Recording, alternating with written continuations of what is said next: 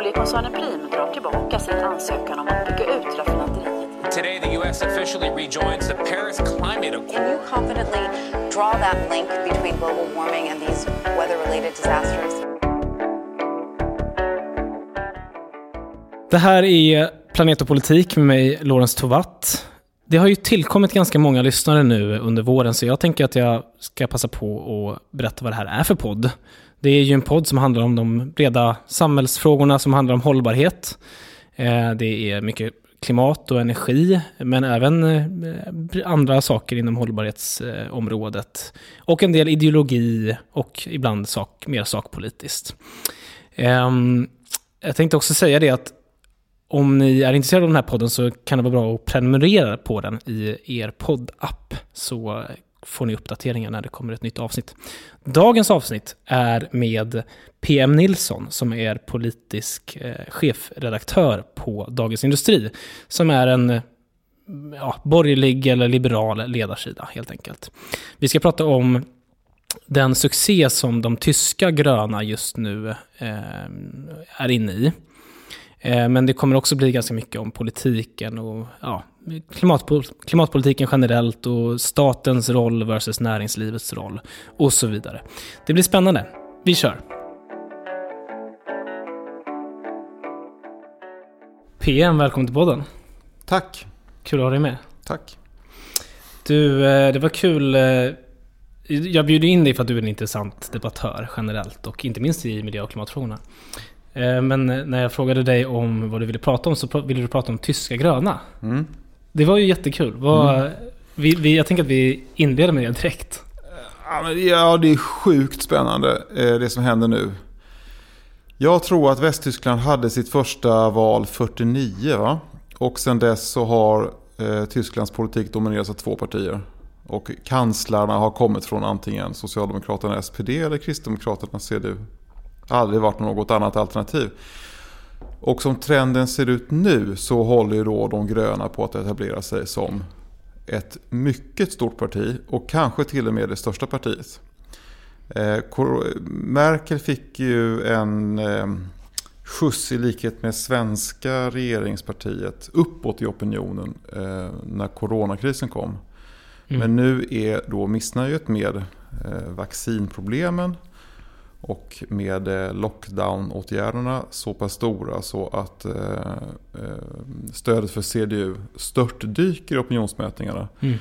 Och stödet för de gröna ökar i, mm. i samma snabba takt.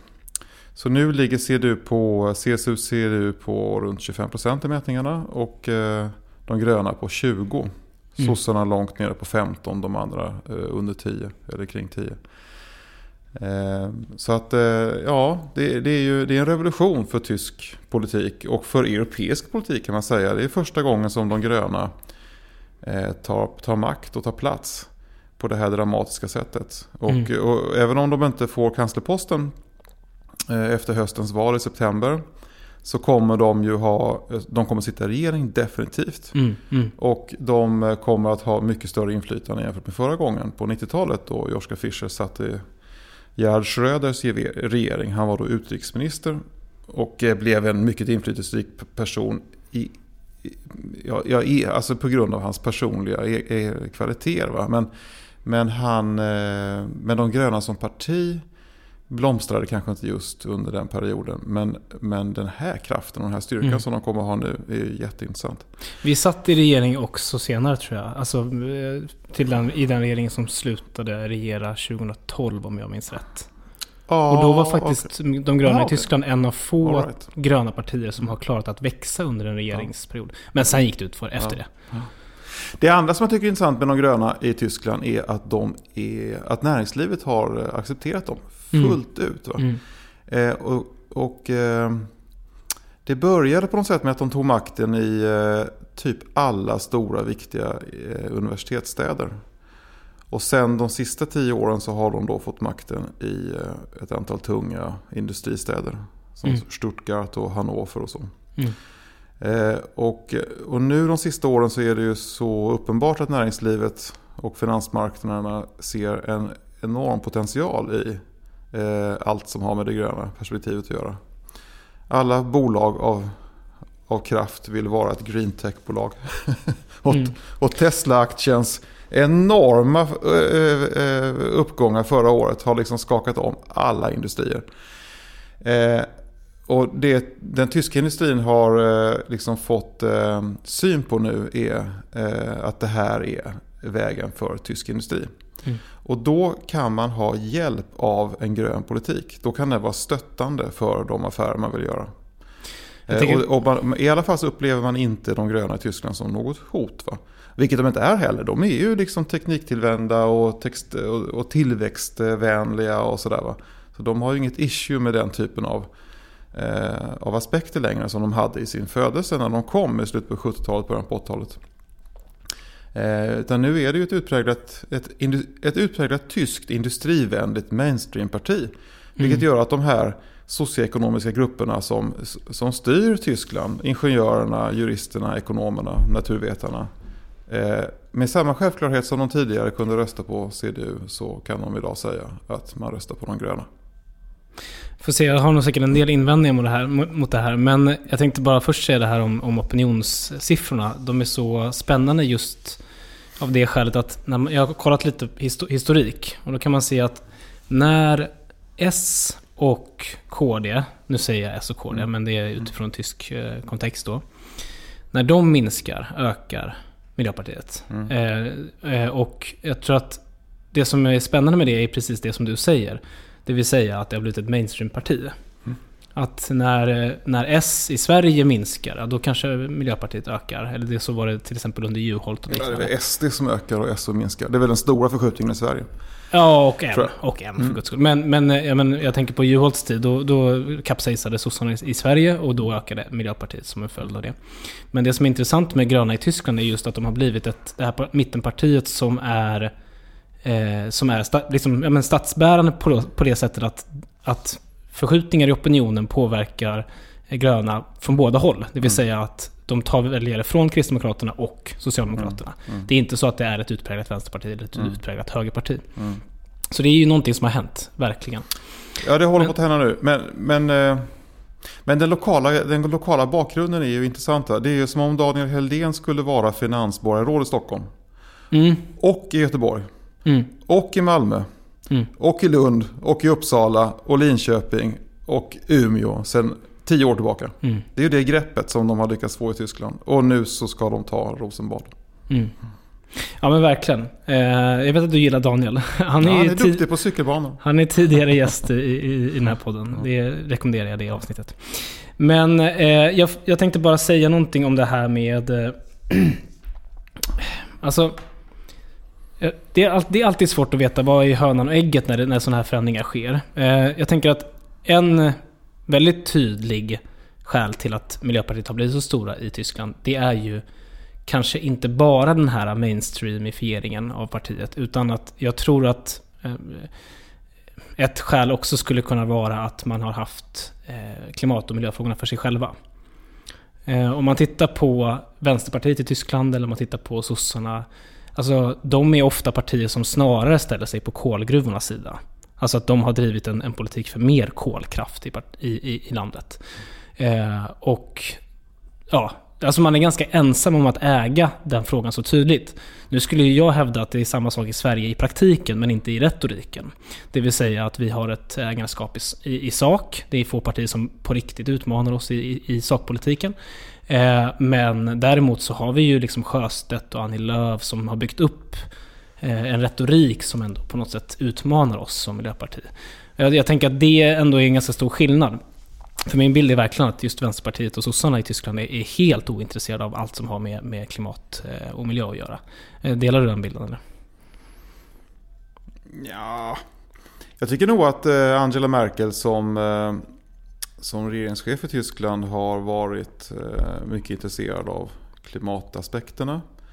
Eh, och eh, av samarbetet internationellt vad gäller klimatet. Så att, ehm, sen vet jag inte om tyska väljare upplever CDU som, som liksom miljöpartistiskt eller miljöpolitiskt trovärdiga.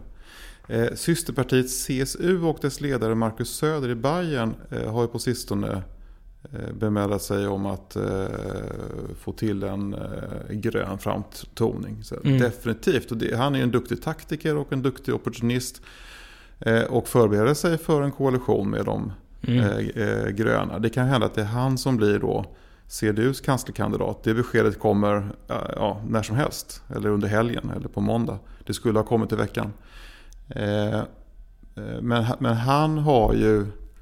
Eh, men det har också med utvecklingen i Bayern att göra. Och den här utvecklingen jag pratade om tidigare inom tysk industri. Det är, Bayern är ju, eh, det är bilindustrins hjärta, verkligen. Och eh, där är man intresserad av allt som har med den gröna industrin att göra. Alltså nu har vi ju läst om vad som händer i Norrbotten med de gröna Mm. investeringarna.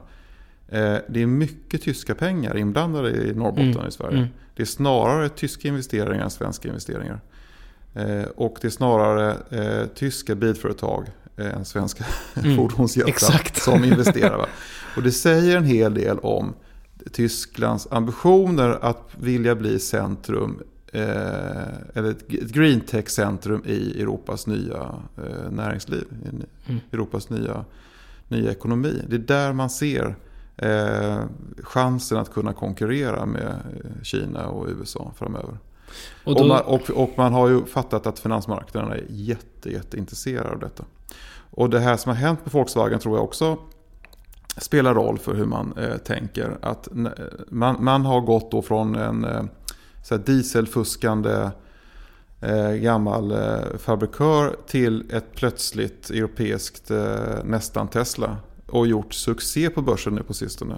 Enorma uppgångar därför Mm. att man lyckades lansera sina elbilsmodeller på ett trovärdigt sätt. mm. Ehm, så att ehm, det, fin, det finns, det och det är klart att sådana här liksom, duktiga politiker som Marcus Söder, han, han ser det här och förstår det här och eh, eh, vill vara en del av den vågen. Så att eh, det, det, i tyskt samhälle så tycker jag att eh, den gröna aspekten är ganska allmänt. Va? Och, och, och Tyskland är ett, det är ett sofistikerat ingenjörssamhälle. De, man, de fattar vad, Mm. hur vindarna blåser. Mm. Men den här Söder, är, är inte han eh, den som vill samarbeta med AFD? Eh, nej, det, nej, Nej, det är- nej, det är det inte. Nej, nej. Det, man kan, kanske kan tro det därför att han eh, då eh, kommer från CSU som brukar... eh, Jag ska bara säga som- som bakgrund, AFD då, det här är högerextrema. Det är liksom ja. det, det tyska, de tyska Sverigedemokraterna kan Ja. man säga. Mm. Kanske värre? Eller ja. De, det Ja, började som ja, ja, en proteströrelse mot euron och sen mot, eh, mot eh, EU i största allmänhet. Och, så och sen så blev det mot invandring när migrationen kom eh, på allvar 2015. Men nej, han har inga sådana eh, ambitioner. Han, eh, han siktar snarare på att samarbeta med de gröna. Okej. Definitivt. Och det, Ja, för och, sen, och CSU är ju liksom ett... Eh, men I svensk kontext så omnämns de som ett, en konservativ variant av CDU. Eh, men de är ju... Konservatismen i Tyskland är ju framför allt socialt tillvänd. mm. Så att man vill ha en stark välfärdsstat och sådär. Så att, eh, Ja, men för det är det som är intressant just nu inför deras val. Det är just eh, om man skulle välja att vända sig mot AFD. Alltså, det, det kommer som, inte hända. Du är säker på det? Ja, ja, ja. Okej, intressant. Ja, ja, nej, men nej, för jag- nej, det kommer inte hända. Alltså det, det, de, har ju, de är ju noggranna med sin historia. Va? De samarbetar inte med Die Linke. Eh, därför att det är arvtagarna till eh, det, det tyska kommunistpartiet. Eh, och, och även om så, tidigare liksom, toppsossar som Oscar Lafontaine har gått till Die Linke så är det ändå omöjligt för eh, SPD. Att De är liksom att en, en tysk går- version av Reinfeldt. Nej, eh, Nej men det går inte. Va? Det, det, därför att det- de, är, de kommer från det riktiga diktaturkommunistpartiet. Mm. Och därmed går det inte. Och eh, AFD är, eh, kommer ur en miljö som, eh, eh, som den tyska borgerligheten inte kan acceptera. Så Mm. att det, det, kommer inte, det går inte så bra för AFD heller. Coronakrisen har inte varit bra för dem i valen. Mm. Det har snarare varit bra för de gröna. En sak som jag tycker vore intressant att gräva lite djupare i är det här med liksom... Du, du pratar ju mycket om det här med att man är tekniktillvända och eh, alltså de tyska gröna då och att man eh, har krokat arm med näringslivet. Du hoppas ju att Miljöpartiet i Sverige ska göra detsamma, eller du har till och med beskrivit det i ledartexter. eh, Att, Ja det borde man göra. Ja, men, men också att vi delvis har gått den vägen med eh, gröna kreditgarantier Mm. och reduktionsplikt. Eller, jag kommer inte ihåg, det var några saker som du nämnde där. Men om man frågar de tyska gröna själva så vet jag inte om de hade gett exakt samma bild. Jag tror att på, på delstatsnivå så tror jag absolut det. Men det som har hänt sedan 2017, för det som hände 2017 var att man kapsejsade fullständigt. Man, man minskade rejält eh, i det valet om jag minns rätt. Och sen så gav man en ganska så starkt mandat till deras kommunikationsavdelning och säga nu får ni utforma det ni tycker att vi ska liksom säga utåt. Och sen så har man kanske inte gjort lika mycket radikala förändringar i, i sakpolitiken. Men har du, har du någon uppfattning om det där? Jag själv har inte någon tydlig uppfattning om det, men jag har förstått att det delvis mycket är en kommunikationsinsats man har gjort. Ja, det är möjligt. Jag läste deras valplattform någon natt här när jag inte kunde sova. Och eh, den är på 20-25 sidor. Den är ju väldigt allmän. Pratar du tyska? Ja. Fan, ja, för jag har nämligen velat läsa den också men den fanns bara på tyska. Och jag Ja. pra- pratar bara lite tyska. Ja, så ja, jag kan ja. framförallt läsa tyska. Berätta. Men den är väldigt allmän. Och den är, liksom, den är bred och allmän på ett sätt som det anstår ett stort parti. Eh, den, den är ju då... Eh, eh, den är tillväxtvänlig som jag läser den. Den är teknikvänlig som jag läser den. Man bekänner sin lojalitet med eh, EU-projektet självklart. Men även med den transatlantiska länken och NATO och sådär. Man utmanar inte det. Där är man nästan så långt att man går att vi ska ha en federation i, i EU. Alltså man Ja, går mycket ja. längre än andra Ja, gröna partier. ja, Ja, absolut. Mm. Eh, sen så sticker man ut, i jämförelse med SPD och eh, CDU så sticker man ut i mm, eh, några avseenden. Dels så är det fokus då på klimat och miljöskydd och sådär såklart. Eh, man är också mycket mer Kina-skeptisk jämfört med eh, Merkel-regeringen. Eh, och det kan få ganska allvarliga konsekvenser att, att om det tyska valet skulle innebära att eh, Tyskland spärrar det här handelsavtalet som EU nu håller på att ratificera med Kina. Eh, sen är man också eh, mycket mer skarp i kritiken mot Ryssland jämfört med CDU och SPD. Eh, den tyska miljön är ju fortsatt förhoppningsfull om Ryssland. Mm. Men det är inte de gröna. Eh, Och de vill stoppa projekt som Nord Stream 2 till exempel. Mm. Inte bara av eh, klimatskäl utan också av geopolitiska skäl. Så att man låter ungefär som polackerna och eh, Ukraina och est, eh, balterna och sådär i sin kritik av detta. Man, så att de gröna uppfattar Nord Stream som ett ryskt maktinstrument. Just det. Eh, Så det där är ju... Där, ja, där, där sticker man ut, eh, tycker jag. Men Mm. annars så är det... Ja, nej men annars så, så är det ju ett brett mainstream-parti. Det, Ja, det är intressant. måste, det måste man nog säga att, eh, att det är. Och det är omöjligt att vara någonting annat om det ska vara ett 20%-parti. Det, Det är ju väldigt, väldigt intressant med tanke på att liksom Egentligen lite så här om man ska dra jämförelse med Sverige igen. Tänker att jag ska fördjupa mig i det här framöver också. Men, men eh, här så är ju den lite mer radikala delen av miljörörelsen inte så särskilt imponerad av Miljöpartiet. Mm. Medan den tyska miljörörelsen, de ställer ju sig upp alltså som en person bakom Miljöpartiet. Inklusive Tysklands motsvarighet till Greta så att säga. Mm. eh, Som själv är medlem i Miljöpartiet. Och det har då skett samtidigt som då man skulle kunna tänka sig att partiet har gått igenom en mainstream process. där När du säger Miljöpartiet, är det det tyska eller är det det svenska förlåt, det är tyska. Det är tyska. då. okej, ja. ja. Mm. Så att man, liksom, miljörörelsen, okej Ja. Mm. du ska försöka säga det är de gröna då. Eh, att, att man ställer sig bakom partiet då, trots den här eventuella mainstream-processen. Mm, mm, Åtminstone retoriskt är den, Mm. är den uppenbart mm, mm. Det som gick väldigt dåligt i valet 2017 om jag förstod det rätt. Det var bland annat att man hade en del förslag som var som åtminstone uppfattades som väldigt eh, moraliserande. Mm. Och att man kom uppifrån. Mm. Bland annat eh, köttfri måndagar Mm. i, i skolan och så vidare. Okej. Eh, och det där har man slipat bort. Mm. Eh, och, då, och då är det intressant att, att se hur... hur ja, det är intressant att de olika miljörörelserna då reagerar olika. Mm. Att de, i den mån Miljöpartiet i Sverige så att säga inte har eh, varit tillräckligt radikala, då, då får man ganska mycket kritik. Medan i Tyskland så eh, hurras det Mm. snarare. Mm. Jo, men Tyskland är ett land för vuxna, som någon sa. det, är klart man inte kan ha en köttfri måndag. Det är ju tramsigt. Okej. Eh, men du, eh, vi kan... Eh, det är nog för övrigt inte någonting som jag tror vi driver. Eh, nej.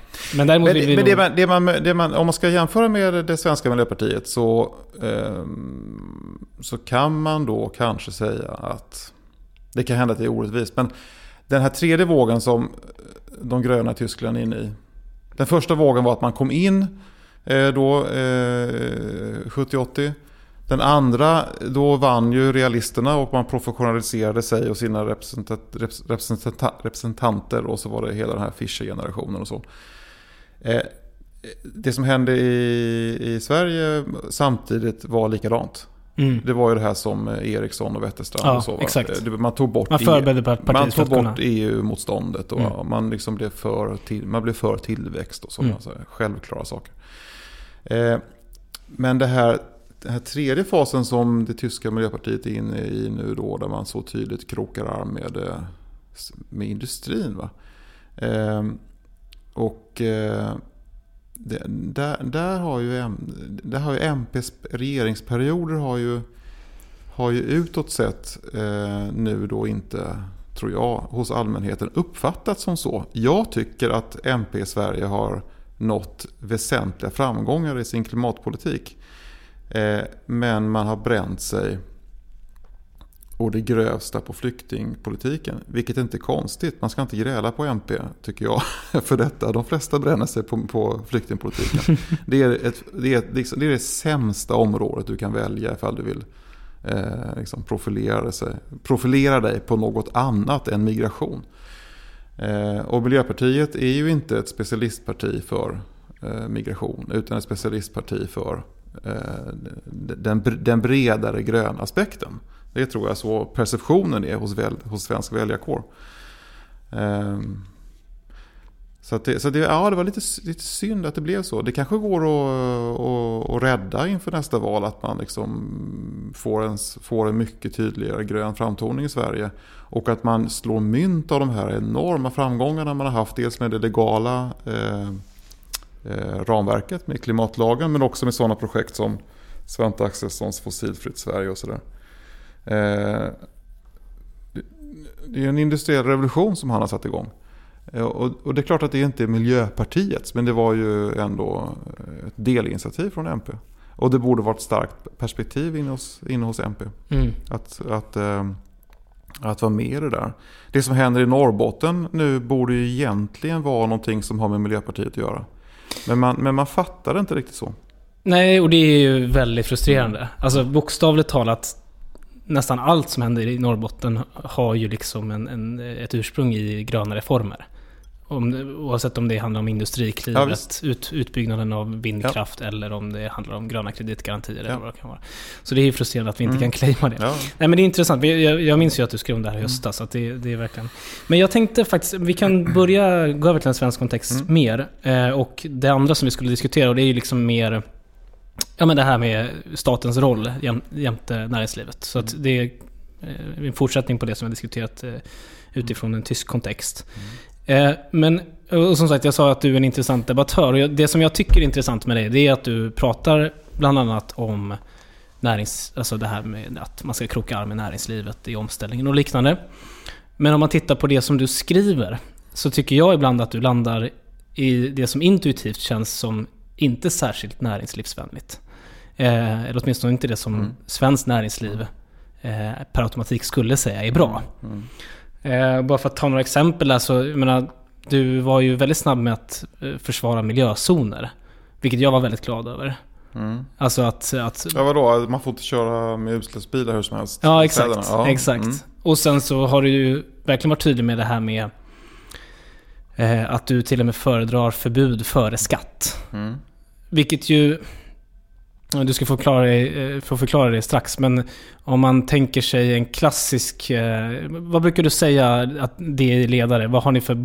Är det borgerlig? Oberoende borgerlig eller vad? Ja, något Det, det är en liberal eh, Ja. tidning. I, Om man, om man tänker sig en liberal Ja. liksom, diskurs så brukar man snarare säga att för, skatter alltid är marknad, mer marknadsmässiga än Mm. förbud. Mm.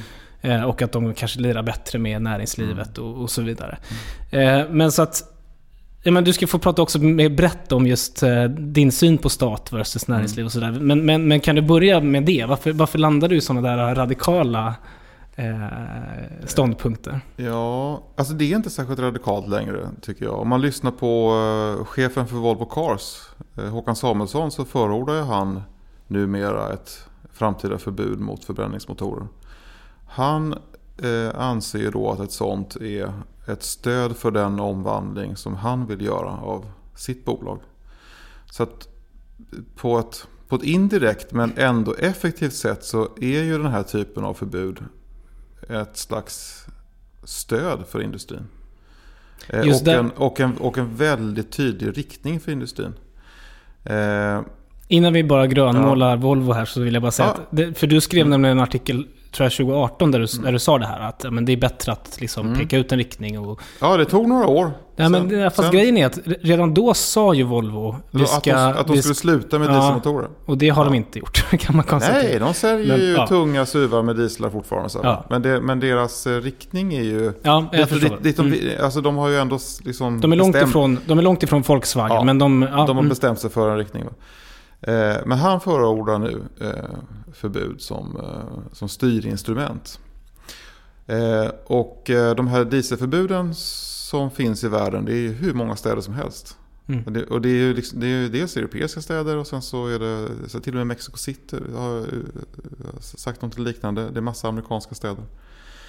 Eh, och eh, på den prins, om man ska föra ett principiellt liksom, resonemang om med vilken rätt har staten eller staden eh, Alltså vilken rätt har de att säga att ni får inte släppa ut? Mm. Då kan man ju säga att eh, allmänningar är ju någonting som eh, där staten förfogar över eh, reglerna.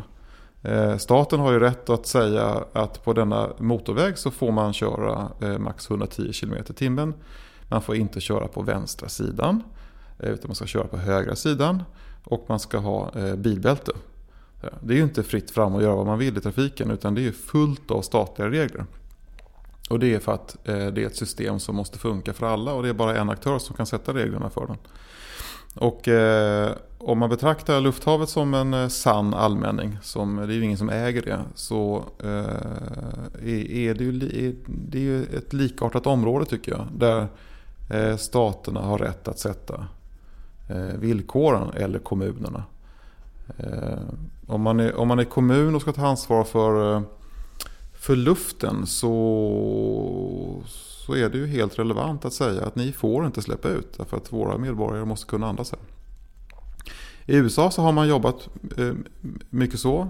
Eh, särskilt i eh, Los Angeles som var illa ute på 80-talet med sin smog. Där har man varit stenhård, förbjudit en det ena efter det andra och lyckats väldigt väl. Det är ju rent, inte helt och hållet numera, det bor ju det, 10 miljoner pers och de kör alldeles för mycket bensinbil. Men det är ju, det är ju rent i jämförelse med hur det var då. Mm. Eh, och eh, LA Hamn har varit en sån där aktör. Det är en, kanske världens största hamn. Eh, och det är sjukt mycket långtradare som går in där och lossar och lastar last. Och då har de med jämna mellanrum sagt att vi förbjuder eh, bilar eh, som inte har den och den reningstekniken att komma in här. Och då har hela den amerikanska lastbilsflottan köpt nya motorer. Mm. Så här har LA Hamn blivit stämt med jämna mellanrum av American Truck Association. Eh, och förlorat i domstol. Men den amerikanska lastbilsflottan har ändå ställt om. Mm. Mm. Så jag tycker att det här förbudsinstrumentet är eh, imponerande när man ser historiskt hur det har använts. Sen har vi de svenska exemplen. Det var ju inte så att man införde skatt på dioxin och skatt på freon och sådana saker. Mm. Eller skatt på kvicksilver i alla pappersbruken som man vält ut då i, i landets åar förut. Utan man sa att det är förbjudet att göra så här. Man får inte. Mm.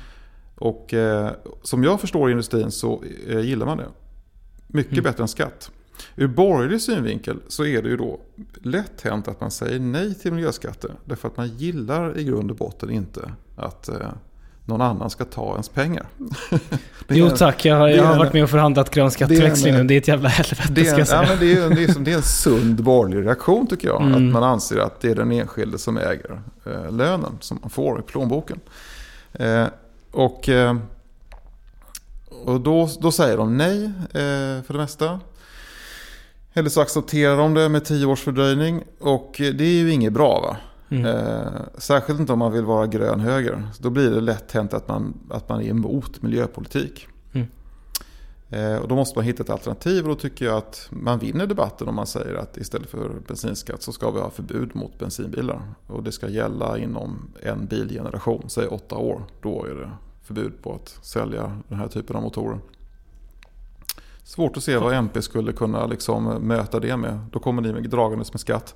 Det, det tredje, Ja, men vi det, har ju börjat svänga där ändå. ja, men det, det, Ja. det tredje argumentet tycker jag är, är att man gör ju staten fossilberoende. Om man är finansminister nu så har, vad, är- vad, vad är det? 30-40 miljarder man får in på bränsleskatten? Jag tror det är ännu mer, 50-60 tror ja, jag. okej. Mm. ja, herregud. Mm. Det är ju inget bra. Nej. Eh, sen, och risken är ju att man börjar hårdbeskatta den här elbilsflottan som kommer nu. Man börjar beskatta kilometer och kanske slår ihjäl eh, kraften i omvandlingen. Eh, därför det är så billigt att köra elbil. Mm. Det kostar ju typ 1,80 spänn Mm. eh, milen. Mm. Eh, så det är ju en, det är en kraftig liksom, skattereduktion på rörelsefrihet eh, med elbilar. Och det, ja, man kan tycka vad man vill om biltrafik men liksom det, är ju, det är ju bra att det kostar lite att röra på sig. Ja, Eh, det kan man ju diskutera. Men, ja, ja. men, men det är ju Mm, liksom, mm, det, är, det, är, det är många som tycker det. det, är, Mm. det är, de flesta tycker att det är bra med att, att det är billigt att köra bil. De som har bil i alla fall. Mm. Ehm, så det, är, det, är ju, det är ju inget bra att göra staterna fossilberoende som man har gjort med de här bränsleskatterna. Nej, jag vet. Jag, det där är ju faktiskt någonting som jag har reagerat på ibland när jag har pratat med sossar om, om eh, bland annat deras förtjusning att bygga ut nya motorvägar. Mm. Jämfört med att bygga kollektivtrafik. Att de ser ju att ja, men den där motorvägen den kommer ju inbringa en del. Mm. Medan kollektivtrafiken kanske snarare blir en förlust. Eh, Så det är inte särskilt, särskilt bra. Nej. Men har, du- menar du... eh, Jag tycker det är föredömligt, d- dina, det som du säger och din linje i det här. Har, men har du uppfattat att det finns någon rörelse inom borgerligheten åt det här hållet? För jag kan inte se det. Alltså jag kan, det jag ser inom borgerligheten nu, det är att man är bo, mot både förbud och skatter. Och då, Vi får, väl se, vi får se hur det landar. Eh, I eh, Moderaternas principprogram tror jag de kallar det för. Där har de ju ändå en nya resonemang om miljön. Mhm. Eh, där de nämner förbud. Som, som, ett, eh, som ett verktyg som de kan godta för att nå miljöpolitiska mål. Okej. Och sen tror jag att eh, i alla fall moderatledningen har förstått att det är en hygienfaktor att vara miljöpolitiskt trovärdiga. Mm. Annars, så, annars så, så har man ingen chans. Eh, särskilt inte med det sällskapet som man nu eh, tving, eh, må- måste ha. Alltså man kom, ja, hela det här M, KD, SD. Mm, mm, Eh, mm. I- i- Om, om, det, om det gänget uppfattas som eh, f- allt för fossilt så blir ju hela tonaliteten fel ur Moderaternas synvinkel. Mm. Jag tror att eh, moderatledningen menar allvar när de säger att miljö och klimat är ett av våra prioriterade områden. Mm. Så får vi se var de hamnar i sina förslag. Mm. Eh, Timbro har då rekryterat en medarbetare från oss och utlyst Ja, Elin. ja, E- Ellen Gustafsson. Ellen heter Ja, hon, förlåt. precis. Jag, jag har Eh, faktiskt tänkt ja. att hon ska komma till podden Mm, också. Ja. Ja, och utlyst då miljö och klimat som ett av fokusområdena för den här tankesmedjans verksamhet. Mm. Så att jo, det finns nog rörelser. Det tycker jag Mm. ändå. Eh, Liberalerna eh, berömmer sig ibland av att ha den enda effektiva klimatpolitiken på grund av mixen av kärnkraft och elektrifiering Mm. och alltihopa. Ehm, så det, ja, nej men det... Det, det är kul, precis innan du kom hit, eh, just nu pågår ju Kristdemokraternas eh, landsdagar eller vad Mm. det heter. Och så fick jag en sån flash i mobilen att eh, Ebba Busch Thor går till liksom frontalangrepp mot Miljöpartiet för att hon påstår att vi vill fördubbla bensinskatten, vilket alltså inte alls stämmer. Mm. Och sen så sa hon också i samma artikel att det, de, de nöjer sig inte bara med skatten utan de vill börja förbjuda oss att tanka. Så det är liksom exakt allt det här som, Mm. som vi sa, att eh, det, det är inte särskilt jättegoda tongångar. Men jag hoppas verkligen att du har rätt i att det kanske rör på sig inom Moderaterna. Jag tänkte bara säga, det är ju intressant. Eh, eh, först och främst ska jag säga, jag står i grund och botten bakom den svenska koldioxidskatten och jag tror att den är bra och jag, jag, Mm. jag vill gärna höja Har den. varit effektiv. Ja. Ja, men och, och, och inte minst så tror jag att det finns skäl att använda den egentligen mest, alltså inte för att nödvändigtvis minska bilresandet eller eh, för, förnya fordonsflottan, för det har vi andra metoder för. Men kanske åtminstone för att inte öka kraftfullt. Mm. För det är ju en, en ganska naturlig konsekvens av tillväxt och, och så vidare och breddade arbetsmarknadsregioner, att folk kör mer bil. Och då kanske man åtminstone kan få en dämpande effekt. Men precis som du sa, jag tror att ett av skälet till att många har liksom stirrat sig blinda på koldioxidskatten, det är nog för att den har visat sig fungera historiskt inom värmesektorn. Det. Men det är ju, det är ju inte nödvändigtvis korrekt att det därför också skulle fungera inom, alltså lika bra. Eh, Nej. men precis, jag tror att jag, du Man kan, lösa det med, man kan ju lösa det med köpkraft. det här. Ja, men exakt, Att, att, att- att, det kostar pengar med soppan. Eh, och relativt sett så har jag sett statistik som visar att eh, priset ligger ungefär där det gjorde på 50-talet när massbilismen bröt igenom. Då Exakt. kostar det några öre per liter. Men om man, om man eh, korrigerar det för köpkraften nu eh, så kostar det ungefär lika mycket. Ja, det finns ju massa statistik på det där som visar att framförallt de senaste 20-30 åren så har det legat nästan exakt still. Ja. Så det är ju dels köpkraften som har förändrats men också att bilarna ändå har blivit mer effektiva. Ja. Så att i slutändan, jag tror till och med att det är lite billigare idag att köra en mil i snitt än vad det var för 20-30 Mm. Just det. år sedan. Ja.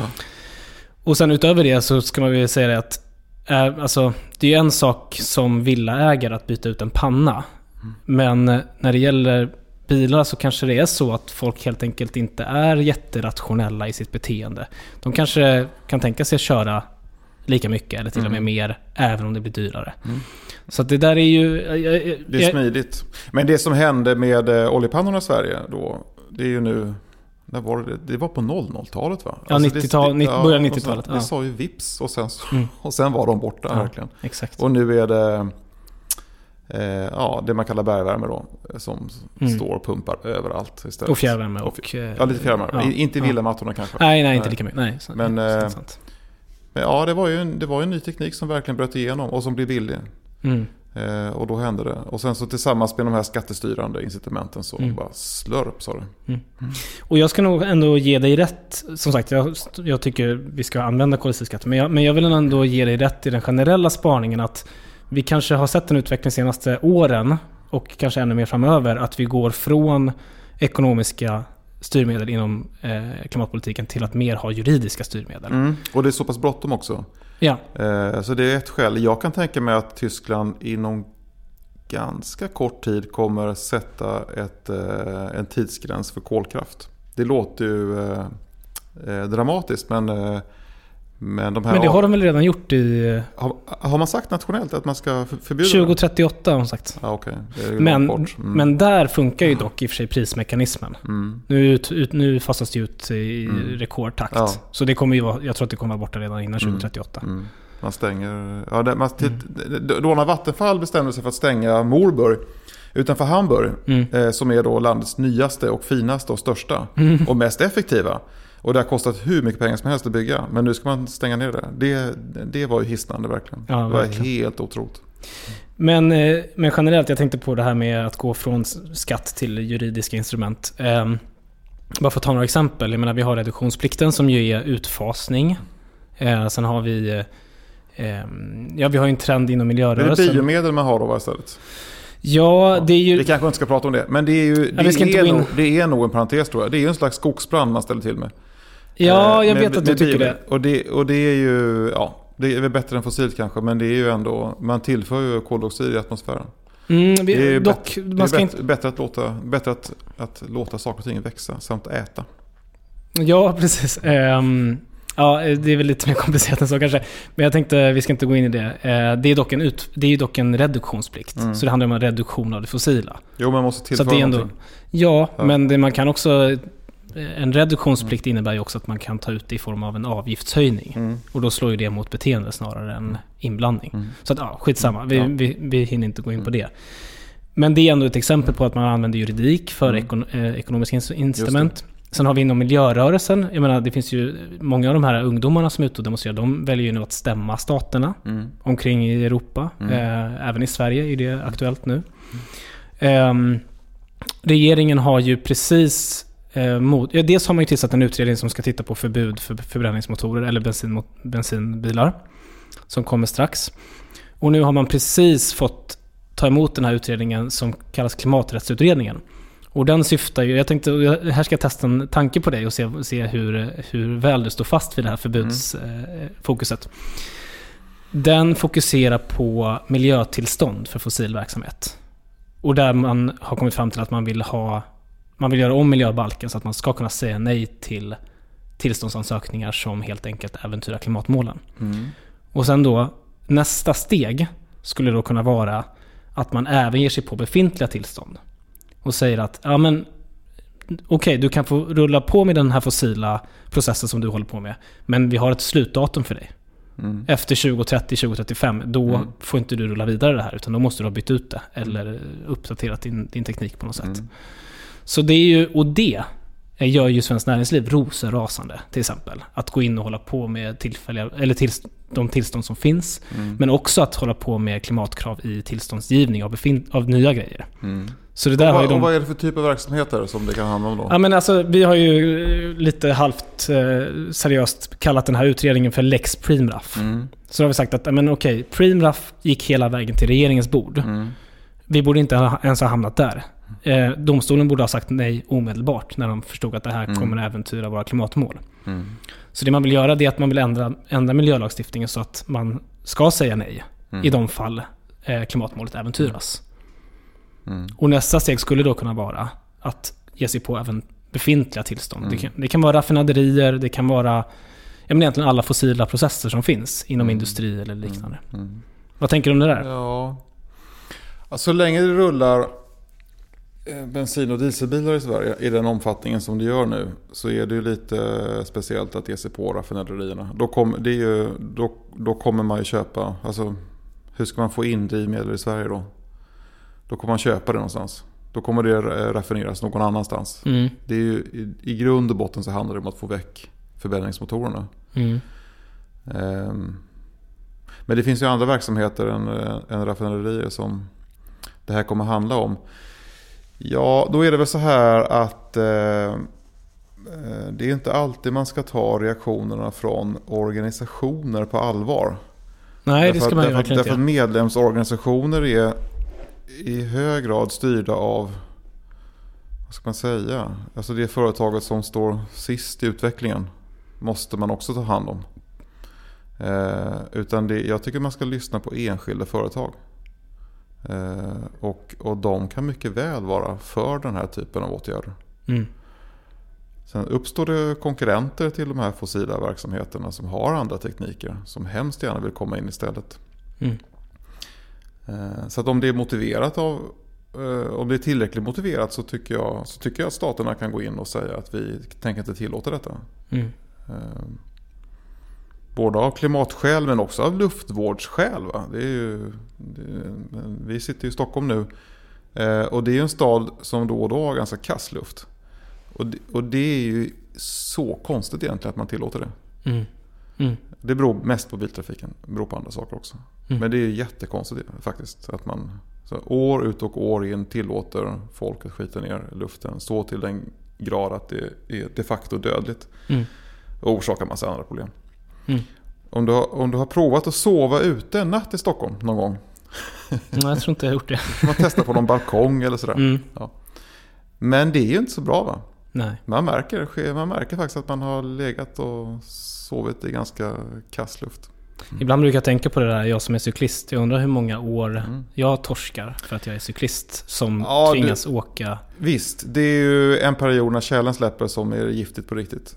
Nu har man börjat sopa gatorna. Men då när eh, det här vårdammet kommer. Ja, eh, Det, det. det är ju jävligt farligt. Va? Eh, Då känner man sig som bakfull när man har cyklat igenom stan.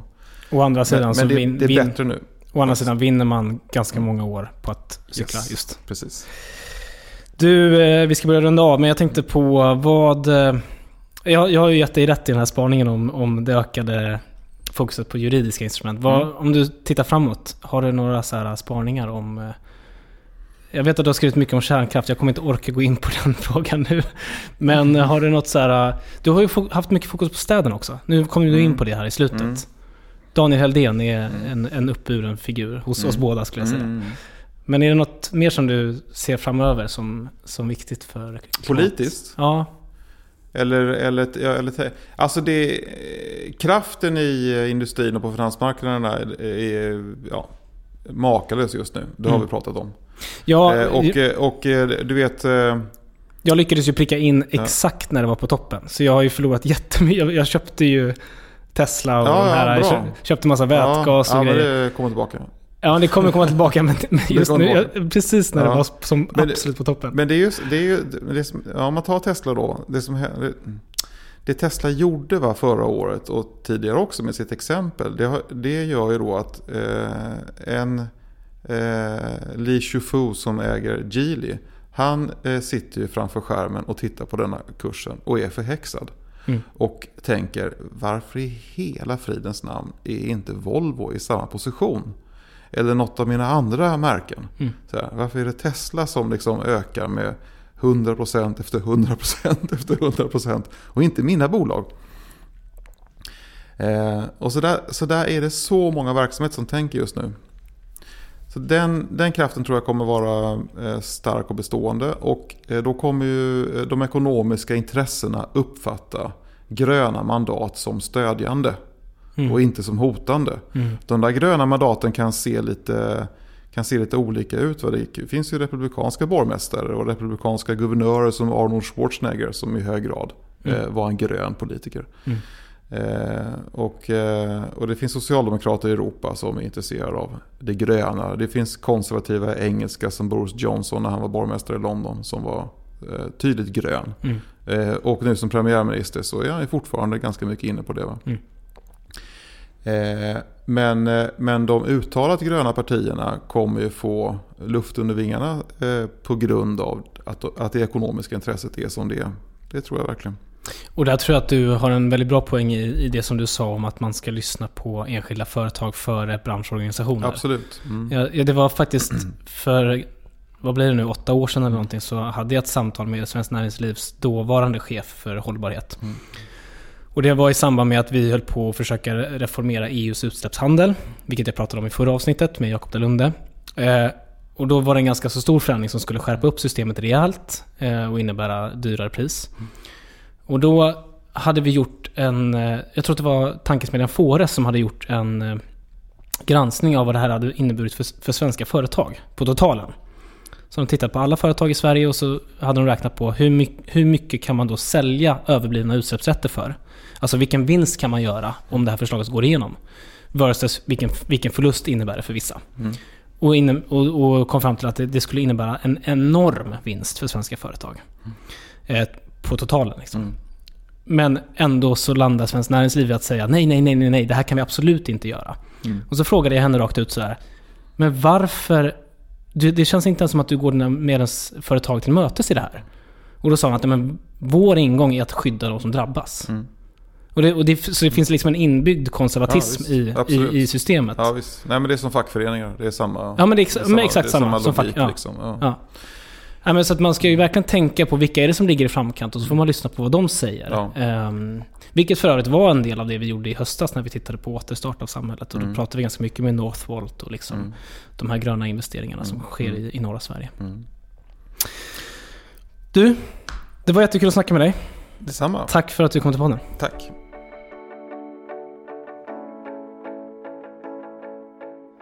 Vad kul att du har lyssnat. Om man vill nå mig så sker det enklast via Instagram eller Twitter. Eh, jag tänkte också säga det att om ni tycker om den här podden och tycker att det är intressanta saker som sägs så skicka den till en kompis eller ja, sprid den eh, om ni vill. Eh, jag vill passa på att tacka Christian Hanner som hjälpt mig med ljud och klippning och vignett. Och vi hörs igen om en vecka.